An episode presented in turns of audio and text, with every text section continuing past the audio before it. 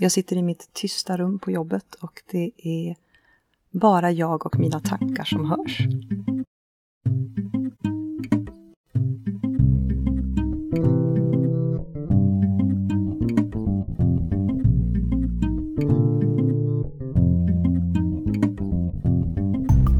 Hej, det här är podcasten Social by Default tillbaka igen och precis som alltid så är det jag, Sara Larsson Bernhardt, tillsammans med Deepet Niklas Strand som driver den här podcasten. Podcasten, precis som konceptet Social by Default, är ett samarbete mellan Know It Experience och United Power och du kan läsa mer om oss på socialbydefault.se. Om ni vill kommentera avsnittet eller ha idéer för framtida avsnitt, twittra med hashtaggen socialbydefault eller prata med oss på vår Facebook-sida. Hej Sara! Hej Niklas! Välkommen tillbaka! Tack! Det var ett tag sedan. Till både Sverige och podden. Mm. Vi har ju haft en veckas uppehåll. Jag var ju i Hemsedal under vecka sju när vi var sportlov här i Göteborg och åkte skidor. Mm. Och eh, var ganska nedkopplad egentligen. Ja. För att eh, vara dig liksom. För att vara mig. Vi ska prata lite mer om det senare i podden, just om nedkopplad tid. Men Norge har ju alltid varit ett huvudbry med tanke på att eh, jag har tre som operatör och de fortfarande inte har något avtal med Norge, så det är ganska dyrt att vara uppkopplad. Och eh, vi har ju varit där i flera år och de senaste åren så har ju faktiskt eh, Skistar haft ett fritt nätverk som har varit tillgängligt för alla som bor och verkar i Hemsedal. Men, men det gick ner. Under en och en halv dag så gick alla nätverk i hela Hemsedal ner. Det var intressant. Det gillar.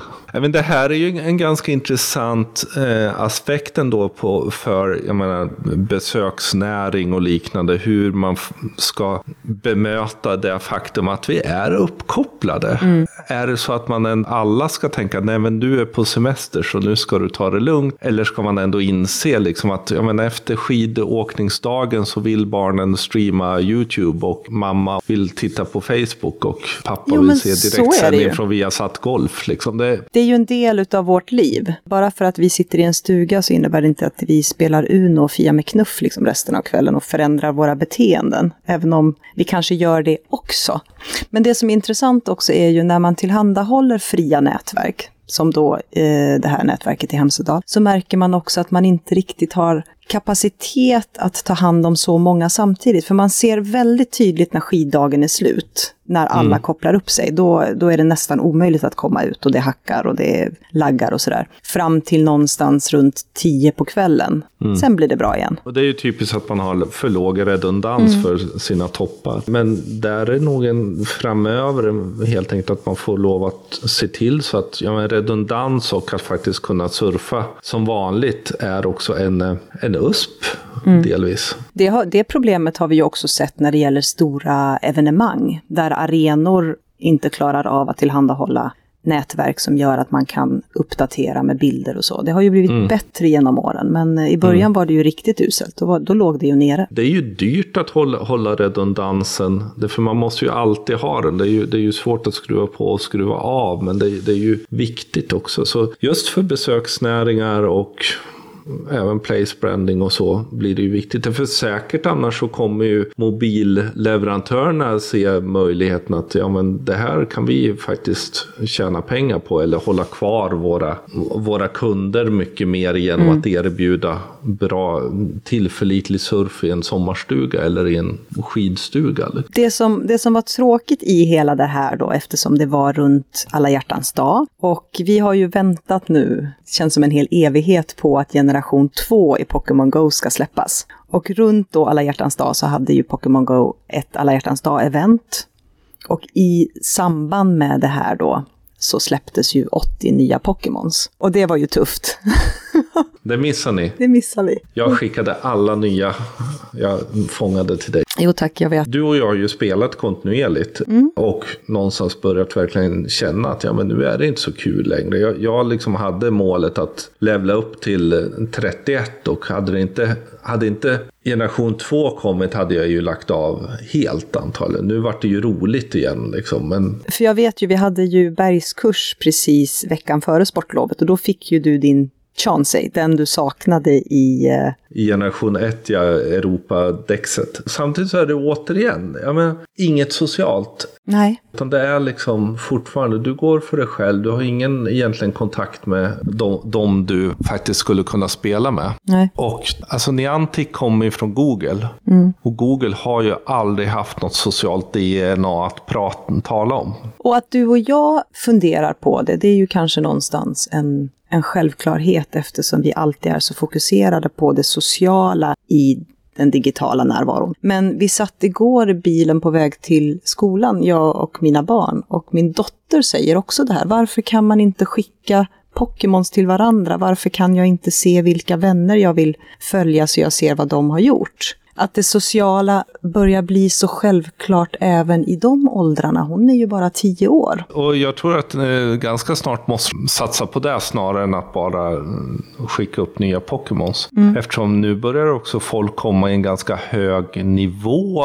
Vi som har spelat länge ligger ju liksom uppåt över 30 många. Och, och därmed blir det liksom, ja men vad är nästa utmaning? Ja men det, visst, catcha mål, men sen då liksom? Det är ju flera som redan har catchat alla i som de har släppt. Och att levla upp för er är ju en, ett evighetsprojekt. Ja, det tar ju lite tid. Jag, jag har gett upp, utan nu, nu är det bara catch mål som gäller i min strategi. Vi har hunnit med lite ändå under den här veckan du har varit hemma. Dels har vi skrivit ett blogginlägg. Ja, om nya tiders format egentligen. För om vi tittar på utvecklingen av våra sociala kanaler så har det ju hänt väldigt, väldigt mycket sista tiden. Och det innebär att vi egentligen har tre olika tidsformat i varje kanal som vi behöver förhålla oss till, kopplat till kanalens olika funktioner. Dels har vi ju on-demand-läge, vilket någonstans går att härleda till vårt vanliga, det traditionella första huvudflödet, oavsett om vi pratar Instagram eller Facebook eller LinkedIn. Men sen har vi ju eh, realtidsflödet, alltså där vi idag kan se storyfunktion i de flesta kanaler. Och sen nu har vi ju även disposable i liveflödet där Instagram som vi pratade om senast verkligen är disposable, för det är nu. Och sen så försvinner det finns inte kvar. Det här är ju en utmaning, för nu finns de här. Nu behöver man eh, på riktigt börja fundera hur ska vi använda dem på ett smart sätt som eh, företag? Hur ska vi förhålla oss till de olika delarna? Och det här hängde ju väldigt mycket ihop med att Facebook släppte upp en stories-funktion i då Facebook Main som jag ibland kallar eller huvudappen. Mm. Den vi liksom går in för att titta på det vanliga flödet. Det känns som där har det ju börjat användas mycket mer än det faktiskt användes i Messenger. Ja. Där fortfarande den finns kvar. Och det här är ju ett 24 timmars disposable media läge. Det har ju inte släppts till sidor ännu. Men det är ju bara en tidsfråga. Det lär det ju göra. Och ser man samtidigt hur stories i Instagram utvecklas så är, utvecklas det ju väldigt fort och där många företag idag börjar använda det. Och det här innebär ju i, egentligen i praktiken att alla som sitter på strategier för kanaler behöver revidera dem. För att vi egentligen nu har multifunktionella kanaler som både har olika funktioner och olika tidsspektra att ta hänsyn till. Och då behöver vi faktiskt se till att vi skriver eller reviderar strategin så att vi får med helheten där. Mm, därför pratar vi Facebook så pratar vi ju tre olika funktionaliteter, eller kanske fler. ofta fler. Ja. Därför vi har grupper, vi har sådana saker. Och framförallt pratar vi Messenger så pratar vi inte eget plattform väldigt mycket. Mm. Så, som liksom, visst en del integrerat i Facebook men är en egen plattform. Så idag när du och jag jobbar så är ju strategin bra mycket mer komplex.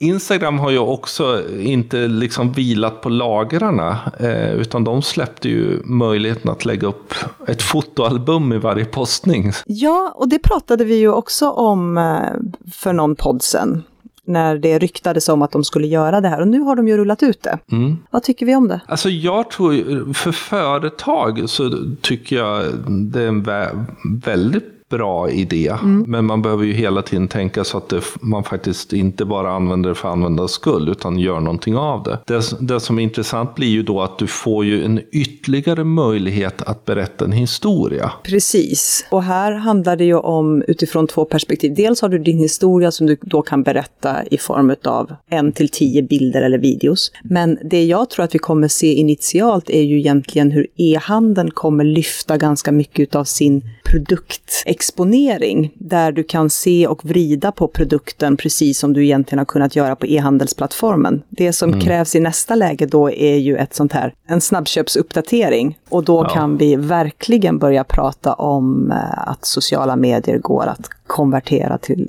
till handlande kunder direkt. Och köpknapparna finns ju när du köper, du köper media, du köper så säga, sponsring på mm. det. Precis, och liksom kunna vrida på det. Ett skoföretag skulle mycket väl kunna visa massa, alla färgerna på en, mm. en ny sko så att man liksom ser de olika delarna. Så det blir ju också en produktkatalogsmöjlighet plötsligt i då Instagramflödet. Men fortfarande blir det ju viktigt att göra det bra så att det är intressant. Precis, för jag känner det just när vi säger så här produktkatalog ihåg och jag, jag, får nästan lite rysningar. Men någonting jag har sett hos några riktigt starka influencers är ju just det här att man kan ta sin outfit och så kan man visa bilder med den i olika vinklar och fram och tillbaka, uppåt och neråt och sådär, vilket gör det ganska spännande. Har man någonting man vill berätta att man ska så att säga, bygga ihop eller någonting så är det ju liksom möjligheten att då i, under tio bilder faktiskt visa Ikea-katalogen.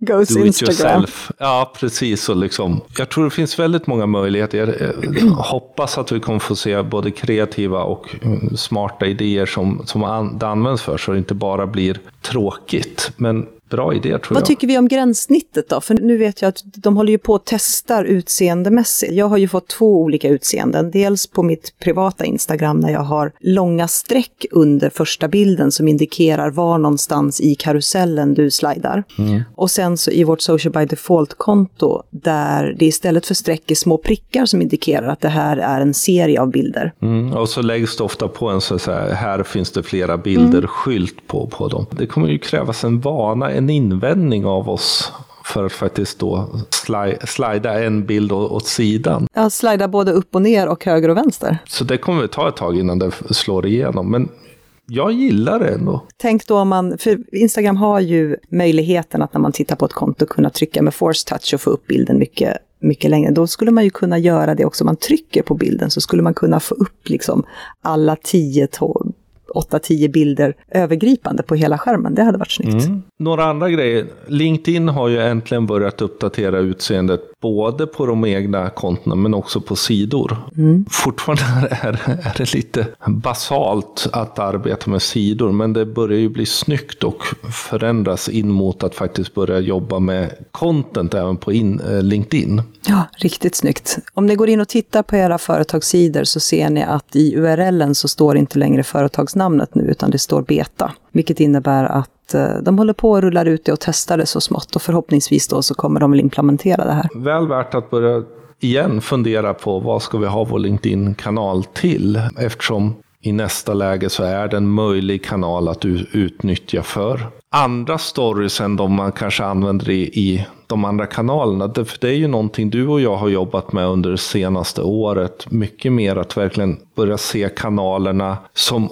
för olika saker. Mm. Att liksom duplikaten blir inte bra. Att man gör samma sak överallt. Nej, då blir man ju repetitiv och ointressant. Och är man ett tillräckligt attraktivt företag så förhoppningsvis så har man ju lyckats förtjäna uppmärksamhet av samma personer i fler kanaler än bara mm. kanske en. Och då innebär ju det att du behöver ju nyttja kanalernas styrkor och våra förväntningar på innehåll för att faktiskt bygga den bästa storyn. Jag fick en fråga igår, vad ska framtidens kommunikatör lära sig? Och, och satt och funderade lite på den. Och jag tror just att en av de stora utmaningarna ligger i att från att jobba på, på vårt vanliga sätt, att man gör en postning här och då är det en, om ett ämne, utan faktiskt fundera mer ur ett manusperspektiv. Mm. Att ta, ta liksom en grej man vill berätta om och fundera över köpresan och hur man då gör ett manus så att man förflyttar sig längs med köpresan. Man kan utnyttja olika saker på olika plattformar som funkar. Liksom film i vissa, så, vissa delar där man från filmen sen för vidare personen till en blogginlägg mm. eller en Facebook-postning och, och för vidare delar. Så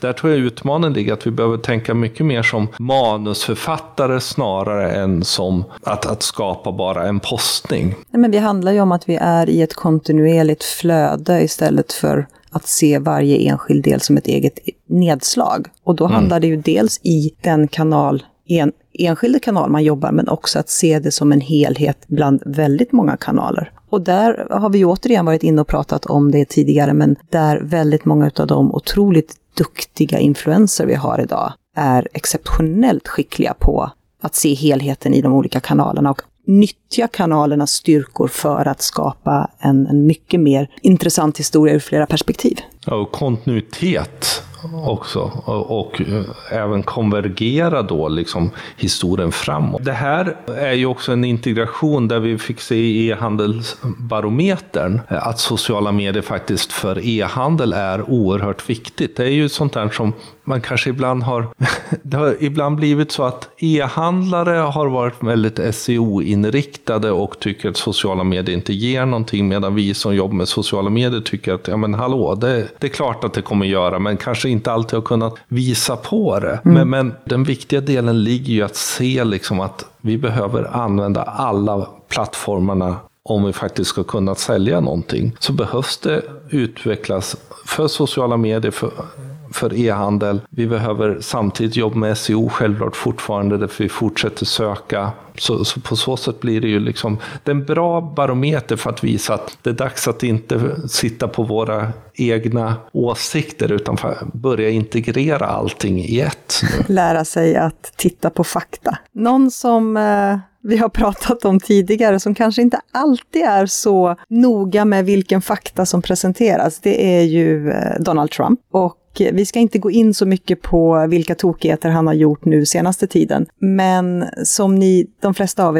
er har sett så skedde det ju ett uttalande utav honom i slutet av förra veckan, alltså vecka sju, där han citerade ett inslag från Fox News där de hade plockat upp problematiken i Sverige med invandring och flyktingar och vad det då hade lett till. Det som skedde då i sociala kanaler är ju att den veckas at Sweden på Twitter, Emma Johansson, fick ju en uppsjö av dels oroliga eftersom det här uttalandet indikerade på att det hade hänt en terrorattack i Sverige, men sen också frågor om Sverige och flyktingar och kriminalitet och fick helt enkelt jobba dygnet runt för att dementera de här uppgifterna. Mm, och det har ju fortsatt med då Max Karlsson som nu har tagit över At Sweden-kontot mm. den här veckan och skit samma hela historien, men jag tycker fortfarande det är så fascinerande att At Sweden-kontot fortsätter drivas mm. på precis samma sätt att liksom någon får ta hand om det och faktiskt göra vad den vill med det. Och på så sätt faktiskt blir en modern ny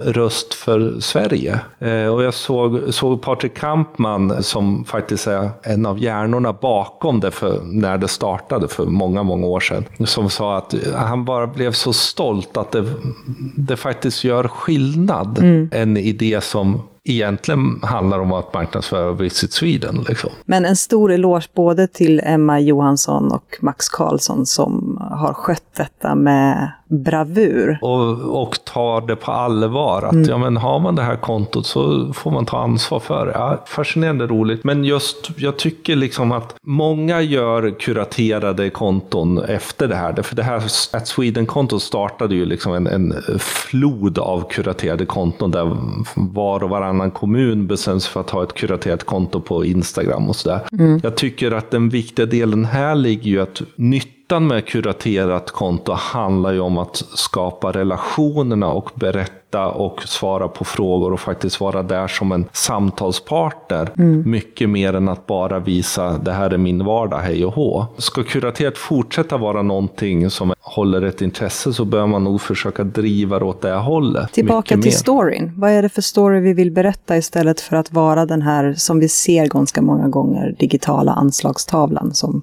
bara berättar från ett perspektiv. Vilken story vill vi vara mm. också? Eh, alltså att, att se att tar man över ett konto så blir man ju också det kontot delvis. Och vad, vad vill man göra av det? Här tycker jag att uh, Ung Cancer fortfarande, vi har lyft om tidigare den här podcasten, sköter sitt Instagramkonto på ett otroligt bra sätt. Dels handlar det ju om att det här kontot är ju så pass tungt att de inte skulle kunna ha kuraterat hela tiden. De har ju sina Instagram takeovers där man får följa antingen närstående som har någon i närheten som har drabbats av cancer eller de drabbade själva. Och där blir ju varje vecka en ganska lång fördjupad story utifrån det personporträttet. Mm. Vilket gör att det faktiskt håller samman, det får en helhet, det ger mig någonting att följa det kontot. Och jag tror precis som du säger att ska man fortsätta att ha kuraterade konton så behöver man precis som du alldeles nyss nämnde fundera på vad är det vad är det för nytta vi vill förmedla med det här? Vad är det för berättelse vi vill berätta och hur ska vi kunna hitta kontinuitet i det? för att upprätthålla intresset. Hela det här handlar ju både om när det gäller kuratitet men också när vi tittar på, vi sitter ju just nu och skriver en större strategi, vi har skrivit ett antal, alltså att innehållet behöver utvecklas i flera steg. Det är ju lite kul att vi får, vi får uppdrag nu från då organisationer som har varit väldigt duktiga på sociala medier. Mm. Men som ser också att vi måste utvecklas. Det är kontinuerlig utveckling som gäller. Det hjälper inte bara att göra det vi alltid har gjort. En annan utmaning som ligger ganska långt fram i tiden eller utmaning, snarare någonting otroligt roligt, är ju att vi kommer tala på en konferens i Stockholm i maj som heter mm. Framtidens kommunikatör. Och då kommer vi bland annat prata en hel del om det här, liksom framtidens sociala medier, mycket av det vi plockade upp i bloggposten om just att vi behöver titta på kanalerna som multifunktionella kanaler och hur vi ska kunna nyttja dem på bästa sätt för att faktiskt få ut mesta möjliga utav dem. Och det är ju någonting som, som vi kommer ju köra vår nya kurs om, om live och disposable media här under våren också. Helt enkelt att, att plocka in de delarna. Så precis som vi sa under 2017-spaningen så är influencers viktigt, det har vi pratat mycket om. Kundfokuset kommer vara väldigt viktigt, att se kundresan som en viktig del när man gör innehållstänkandet, men också helt enkelt nya möjligheterna med Superlive och Disposable.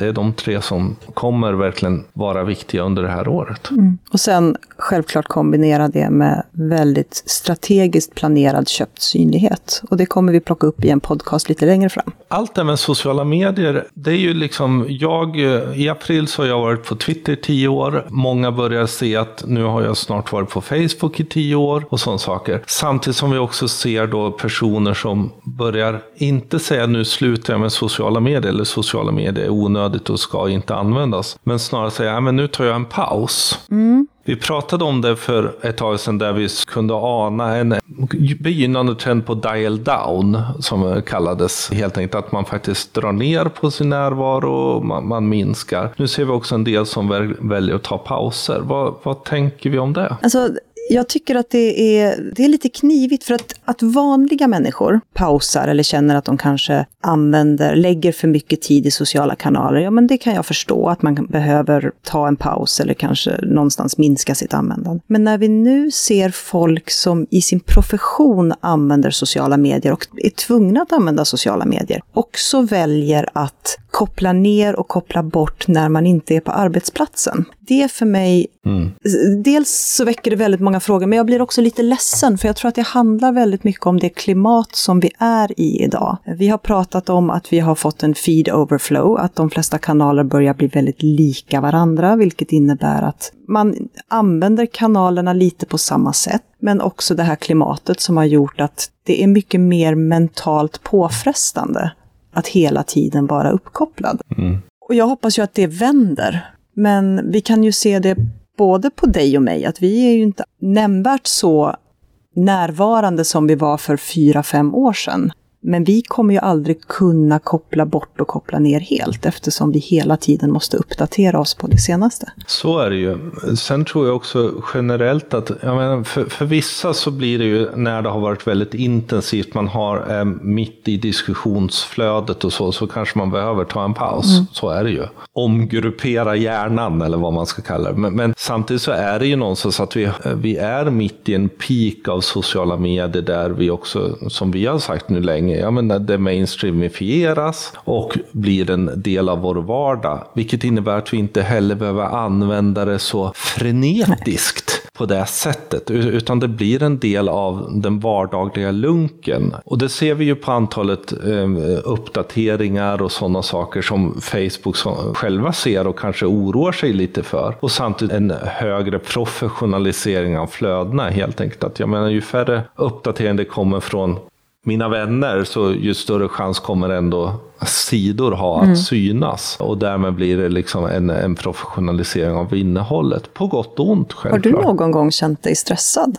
Ja, det är väl mer egentligen nu i och med att det, det förändringar, framförallt på Twitter. Jag tycker Twitter har förändrats till det sämre. Inte på grund av innehållet bara, det, för det kan man ändå styra så pass mycket. Men, men mer hur användargränssnittet fungerar. Så jag känner att jag missar mm. saker som jag förut inte kanske missade. Därför att jag inte är där och det, algoritmen visar kon, lite konstigt och sådär. Så där kan jag bli lite stressad. Jag vill ju ändå vara den som vet vet mest mm. först. Och, och helt enkelt att min bästa kanal börjar bli sämre på att ge mig den informationen. Plus att generellt, ja men det är en del av vardagen men det är inte sådär, åh oh, jag måste kolla, gud vad kul det här är. Utan det är när någonting nytt kommer som man får den här känslan, gud det här vill jag testa. Det, det jag kan känna är, jag var nog mer stressad över att jag missade saker förr. Det som jag blir stressad över är att jag tycker ändå att kanalerna förändras väldigt fort just nu.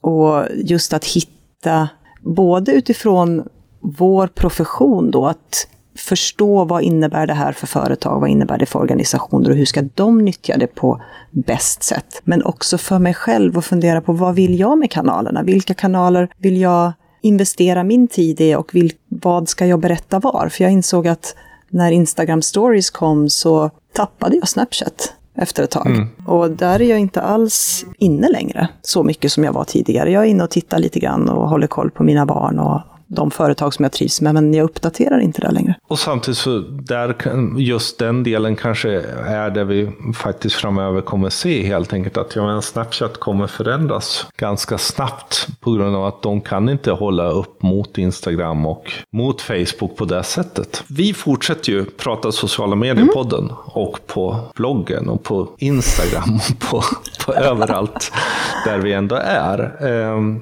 för vi tror att det fortfarande fortfarande är viktigt att komma vidare och lära sig. Det är viktigt och framför allt så är det ju faktiskt trots allt väldigt roligt. Det var väl det vi hade i den här första efter en liten eh, uppehåll. Mm. Så tack för oss. Hoppas att ni kan ta med er åtminstone ett antal insikter och tankar från det här avsnittet. Vi lägger in länkar om det vi har pratat om i show notes och de hittar ni som vanligt på podcast.socialbydefault.se. Och glöm inte att prenumerera på vår podcast. Vi finns på ganska många ställen nu. Har en app eller liknande, självklart utnyttja iTunes och liknande för att prenumerera. Vi ligger på Soundcloud. Om du gillar Soundcloud kan du prenumerera på oss där.